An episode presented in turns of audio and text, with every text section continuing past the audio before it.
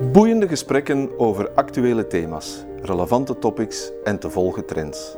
Welkom op de Vlaio podcast waar ondernemers en hun netwerk een stem krijgen, hun plannen vorm en hun ambities een klankbord.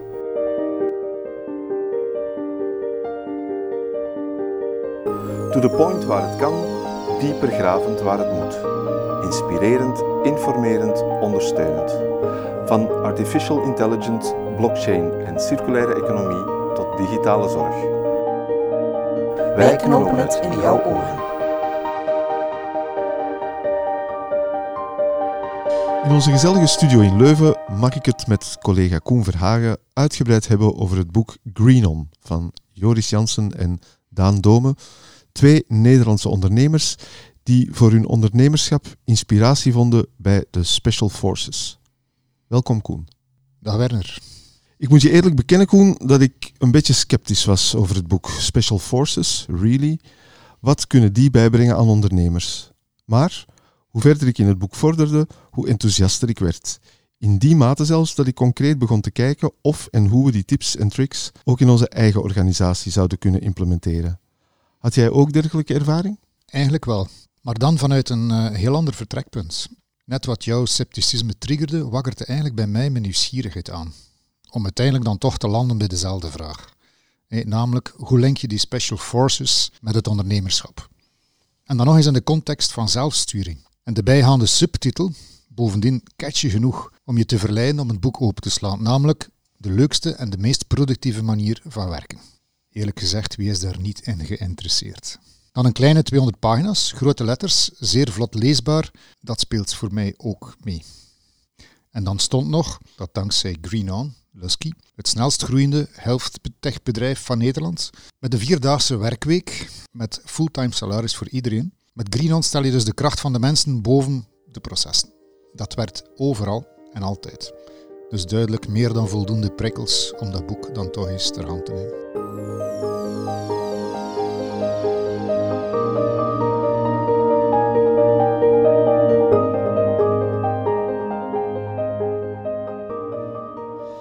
Het boek heeft een aantal lagen. Het vertrekt van heel concrete verhalen uit de wereld van de Special Forces, zoals hun stevige selectieproces, hun onboarding, enkele gewaagde, doch geslaagde missies.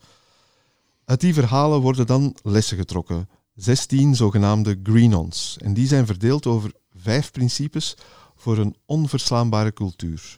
Samenwerken, flow, eenvoud, vertrouwen en aanpassingsvermogen.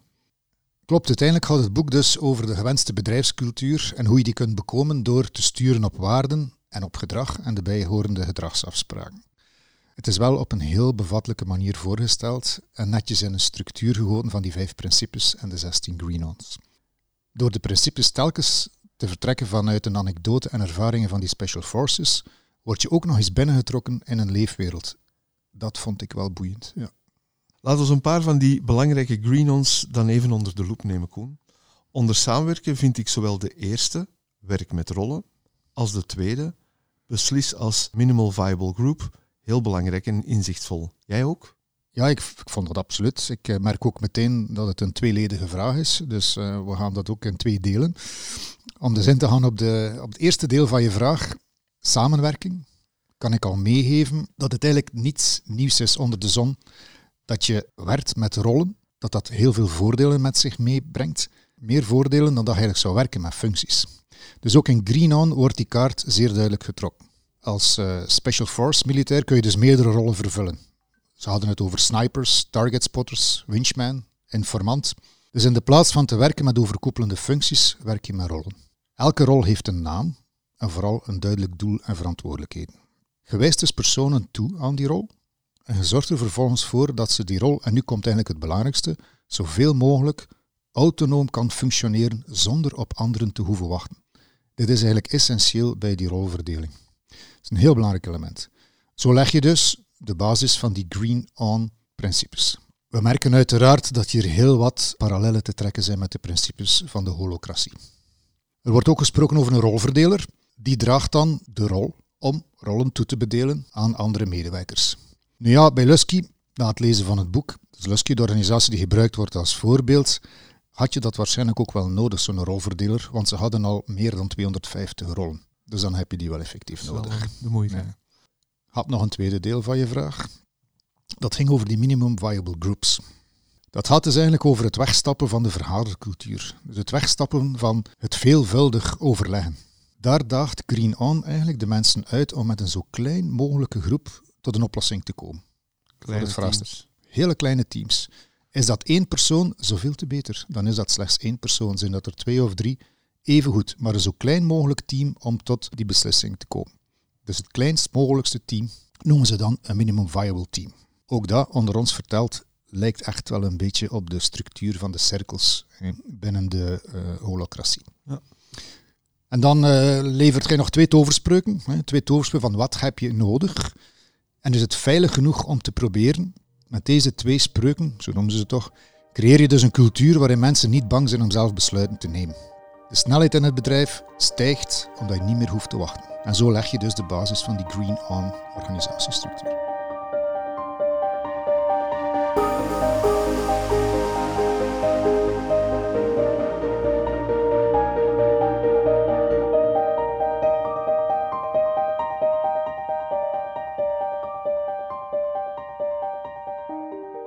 Na samenwerken is het tweede principe flow en dat vertalen de schrijvers als geconcentreerd je ding kunnen doen, focus bewaren, in het moment zijn.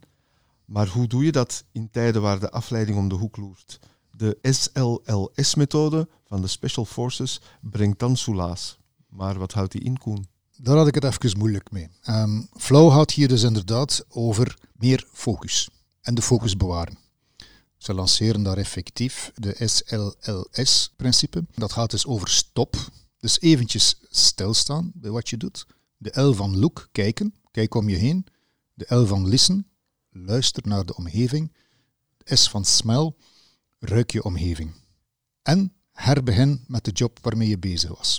Dus ik moet eerlijk bekennen dat deze aanpak bij mij niet echt werkt. Ik heb dat geprobeerd en dat leverde eigenlijk niets op. Ik kan me echter wel inbeelden dat het in de hypergefocuste wereld van de Special Forces, dat zo'n kort interval van rust daarna de focus terugbrengt of aanscherpt. Ik associeer flow echter veel meer met een state of mind, waarin men zich bevindt als de uitdaging waarmee je bezig bent volledig spoort met je vaardigheden. Flow is waar je skills matchen met de challenge. Las ik ooit en dat vond ik eigenlijk een zeer treffende weergave. Eenmaal in de flow is er geen tijdsbesef meer. Weet je wat de Japanners ikigai noemen? Het samenvallen van die twee dingen. De auteurs introduceren ook zogenaamde accountability partners als een probaat middel om die focus te bewaren. Hoe werkt dat dan precies? Dat focus lastig is om te houden, ja, dat weten we eigenlijk allemaal. Wat daarbij helpt, zo schrijven is urgentie creëren. Dat is handig. En dan geven ze dus een aantal voorbeelden hoe dat je urgentie zou kunnen creëren. Eentje ervan, zeer kenmerkend vanuit de militaire sfeer, is een gezamenlijke vijand. Ehm, past iets minder ehm, bij wat wij aan het doen zijn. Intern en extern harde deadlines opleggen voor een bepaald einddoel creëert ook een urgentie. Ja. Het derde voorbeeld, en daar was ik eigenlijk het meest van gecharmeerd, dat was het principe van accountability partners of buddies. Dat past ook, mijn aanvoelen, heel goed bij kennisorganisaties die die zelfsturing omarmen. Het gaat dus eigenlijk, dus die accountability partners, dat gaat dus over collega's die elkaar helpen. Bijvoorbeeld door samen de week te beginnen en bewust, heel bewust stil te staan bij wat er vorige week gebeurd is en wat de doelen voor de komende week zijn. Dus zo'n goede buddy die vraagt eigenlijk heel scherp door waarom sommige dingen wel en niet gelukt zijn. Neem daar zeker een vast moment in de week voor om daar even bij stil te staan, wat je gedaan hebt, wat gaat en wat niet gaat. Hoeft niet lang te duren. Een, eh, een half uur, elk 15 minuutjes, maar wel elke week. Bij voorkeur, begin van de week, of op een maandag of op een vrijdag, dat kies je dan eigenlijk zelf. Het is dus heel duidelijk gebleken dat als je, als je het straks aan iemand moet uitleggen, en zeker als dat een collega is, wat je gedaan hebt en wat je zal doen, dat dat een hele sterke reden is om gefocust te werk te gaan. Want de volgende week zit je opnieuw samen met die collega. Persoonlijk vind ik dat principe van die accountability best wel een hele goeie. hè. Ehm, Je leert volgens mij dan ook je collega veel beter. Het werk wat de collega allemaal verricht. En ongetwijfeld versterkt het ook de connectie. Ik ben nog op zoek naar een goede buddy voor mezelf. Ik heb er een gevonden in de organisatie waar ik dit nu al eens voor twee, drie weken al aan het toepassen ben om te kijken of het, eh, wat het oplevert. Ik moet zeggen, het is een heel positieve ervaring al tot nu toe.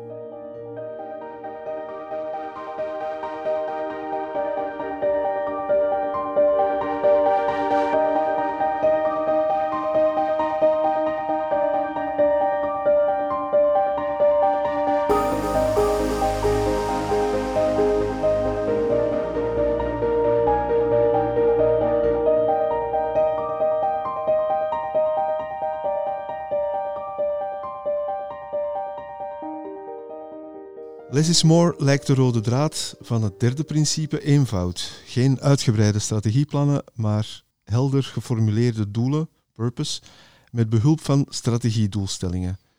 Ik begreep dat jij dat ook heel belangrijk vond. Ja, dat was, was ook eentje die mij eh, enorm aansprak. Dat een doel helder moet geformuleerd worden, ja, dat is een evidentie. De bijpassende strategiestellingen, dat kon mij dus echt enorm bekoren vanwege de eenvoud.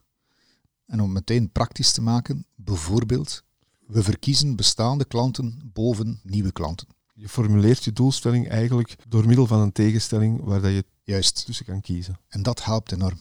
We verkiezen bestaande klanten boven nieuwe klanten. Je kunt het ook omkeren, wat best past bij uw organisatie. We verkiezen bestaande klanten boven nieuwe klanten. Bijvoorbeeld om aan te geven dat alle inspanningen om bestaande klanten de correcte service aan te bieden de goede insteek is. Bij tijdsdruk, bij kwaliteitsissues gaan bestaande klanten dus voor. Zo'n strategiestelling helpt daar enorm bij. Strategiestellingen worden best nog aangevuld met, met meetbare kernwaarden. En dan wordt het pas echt krachtig. Dus nemen we hetzelfde voorbeeld. We verkiezen bestaande klanten boven nieuwe klanten en streven naar een retentiegraad van 100%. Bijvoorbeeld. Dat is meetbaar. Daarnaast spreken ze ook van zorg in die organisatie dat er nee kan gezegd worden. En dat ook daadwerkelijk iedereen dat doet, als de situatie daarom vraagt. Dus het gaat eigenlijk intrinsiek over het recht om nee te zeggen en zo enkel de dingen te doen die echt van waarde zijn. Dat connecteert opnieuw met die strategiestellingen. Zo hou je dus de zaken eenvoudig en creëer je nog meer focus. Uiteraard, geef dan altijd zelf het goede voorbeeld en leg ook uit waarom je dingen doet en waarom je dingen niet doet. Maak bijvoorbeeld zeker niet de fout om in andermans agenda te zetten, knoeien en daar meetings bij aan te vullen. Het is zo vlug gebeurd dat je er eigenlijk vaak niet meer bij stilstaat. Ja. Maar die strategiedoelstellingen helpen inderdaad ook bij dat helpen nee zeggen, hè, omdat je daar zelf kan naar verwijzen. Van dit past minder binnen die strategiestelling, ik zeg nee daarom. Absoluut, het is je leidraad bij de keuzes die je maakt. Ja, zeer zeker. Zorg ook voor voorspelbaarheid in je organisatie door eigenlijk standaardprocessen te structureren en expliciet te maken. Wat mensen mogen verwachten.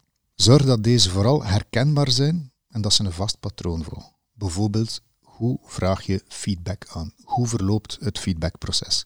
Dat klinkt misschien vreemd, maar als de processen het juiste patroon volgen, ontstaat er eigenlijk creativiteit. Omdat je echt energie overhoudt om je aan de inhoud te kunnen wijden.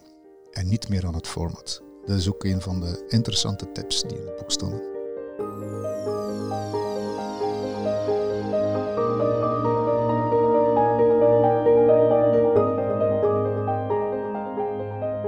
Vierde principe is vertrouwen. En daar hebben de schrijvers het over de kernwaarden van een organisatie. Ook het stukje waar je al over sprak, over cultuur. Zeker bij het selectieproces zijn ze van niet te onderschatten belang, maar ik denk ook voor de rest, voor alle andere eh, aspecten van ondernemerschap. En het is ook een van jouw stokpaardjes, Koen. Waarom precies? Het is inderdaad een van mijn eh, stokpaardjes. Eh, we weten allemaal, vertrouwen komt te voet en gaat te paard. Een waarheid als een koe. Het is al vaak een uitdaging om vertrouwen te creëren in een kleine groep, laat staan in een grote organisatie. Het fundament moet echt goed zitten. En dat begint bij de kernwaarden en de bijhorende gedragsafspraken. De juiste mensen zijn net die mensen die dezelfde waarden nastreven. Het is daarom van cruciaal belang om op die waarden ook te selecteren. Het maakt er het leven van de recruiter helemaal niet makkelijker op. Zeker al niet in de huidige tijden van de war for talent, waar talent duidelijk gewonnen heeft. Vaardigheden kun je aanleren, waarden, dat is een heel ander verhaal. Dus juist die mensen vinden en binden die jouw waarden en normen delen, maakt het verschil uit op korte, middellange en lange termijn. Dus wees daar bij het recruitmentproces bijzonder streng op. Zij zullen veel vaker de juiste beslissingen nemen en de organisatie vooruitstuwen. Hanteer dus echt een heel strak selectieproces en begin met de definitie van je kernwaarden om vast te stellen welke normen en waarden dat die kandidaten echt moeten onderschrijven. Het gaat denk ik om attituden hè, van mensen. Op basis van je waarde zegt iets over welke attitude ik ten opzichte van problemen heb, of ten opzichte van uitdagingen, of ten opzichte van collega's. Het is uw kompas. Ja. De waarden zijn uw kompas, zowel als persoon als als organisatie. Dus die match moet echt wel heel goed zijn.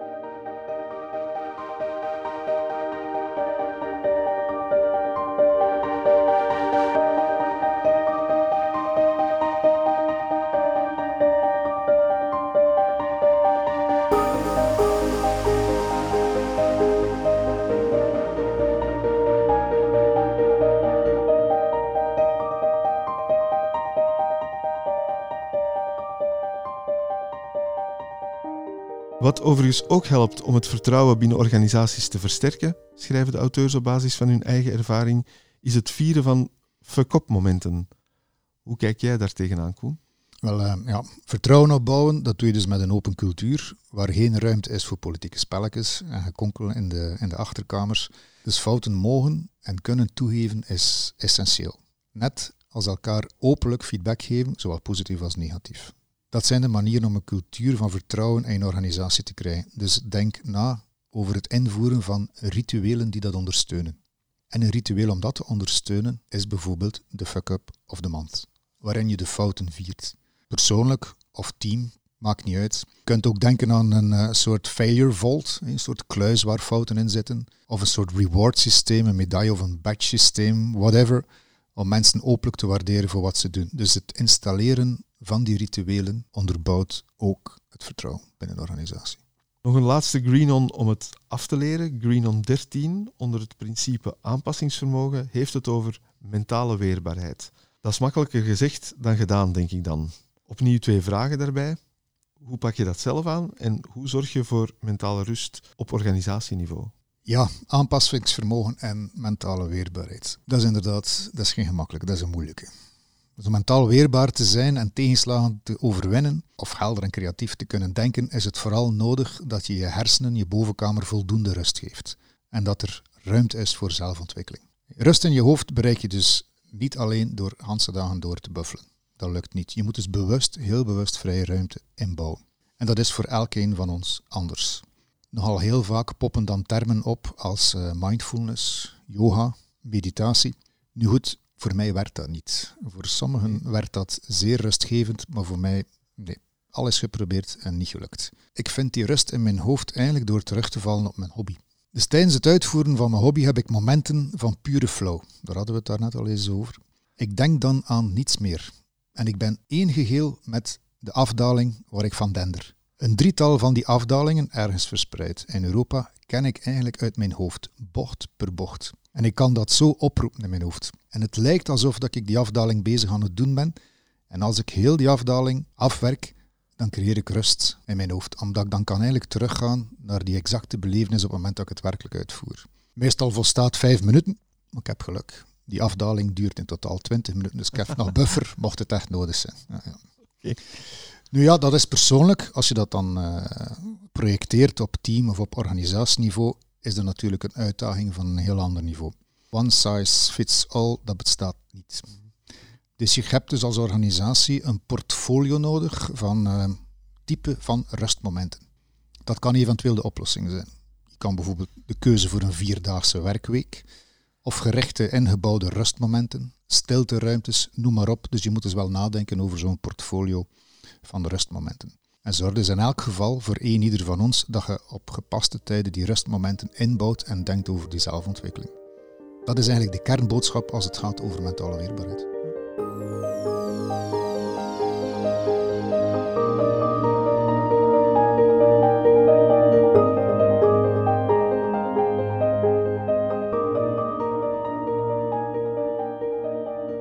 Voor mij is duidelijk dat er uit de aanpak van de Special Forces heel wat nuttigs te destilleren valt voor ondernemers. Waarom, wanneer moeten mensen naar dit boek grijpen volgens jou, Koen? Ja, wel kijk, het is, uh, mijn inzien is dat het boek die past in het rijtje van een trend die zich natuurlijk al heeft aangekondigd, dat van de zelfsturing. Er is geen toverformule voor zelfsturing. Voor elke onderneming is dat een authentieke invulling. Eentje die eigenlijk vooral het DNA van de onderneming zo goed mogelijk capteert.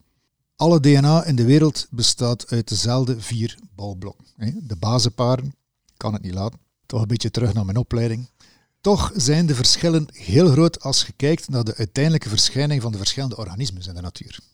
Zo kijk ik eigenlijk ook naar zelfsturing. De bouwblokken die zijn eerder beperkt, maar de combinatie is bijna ontelbaar. Dus ook de verschijningsvorm. Om daar wat zicht op te krijgen, is het verdiepen in een paar werken en spreken met mensen met wat ervaring echt van heel grote waarde. Het is dus eigenlijk in dit licht dat ik Green On aanbeveel. Een boek tussen de andere, aanvullend vanwege de originele insteek van de Special Forces. Er staan bijzonder praktische handvaten in vermeld, die je dankbaar kan gebruiken als je morgen al aan de slag wil met dit concept. Ik wil ook meegeven, luister eens naar de andere podcast van mijn collega Bruno, Bruno van de Kastelen, over No Rules Rules. Boek van uh, Reeds Hastings en Aaron Meyer. Ja. Hetzelfde kanaal, min of meer hetzelfde onderwerp. En dan om af te sluiten herhaal ik zeer graag de zin waar het boek zelf mee afsluit. Zet een stap. Bedankt Koen voor deze podcast.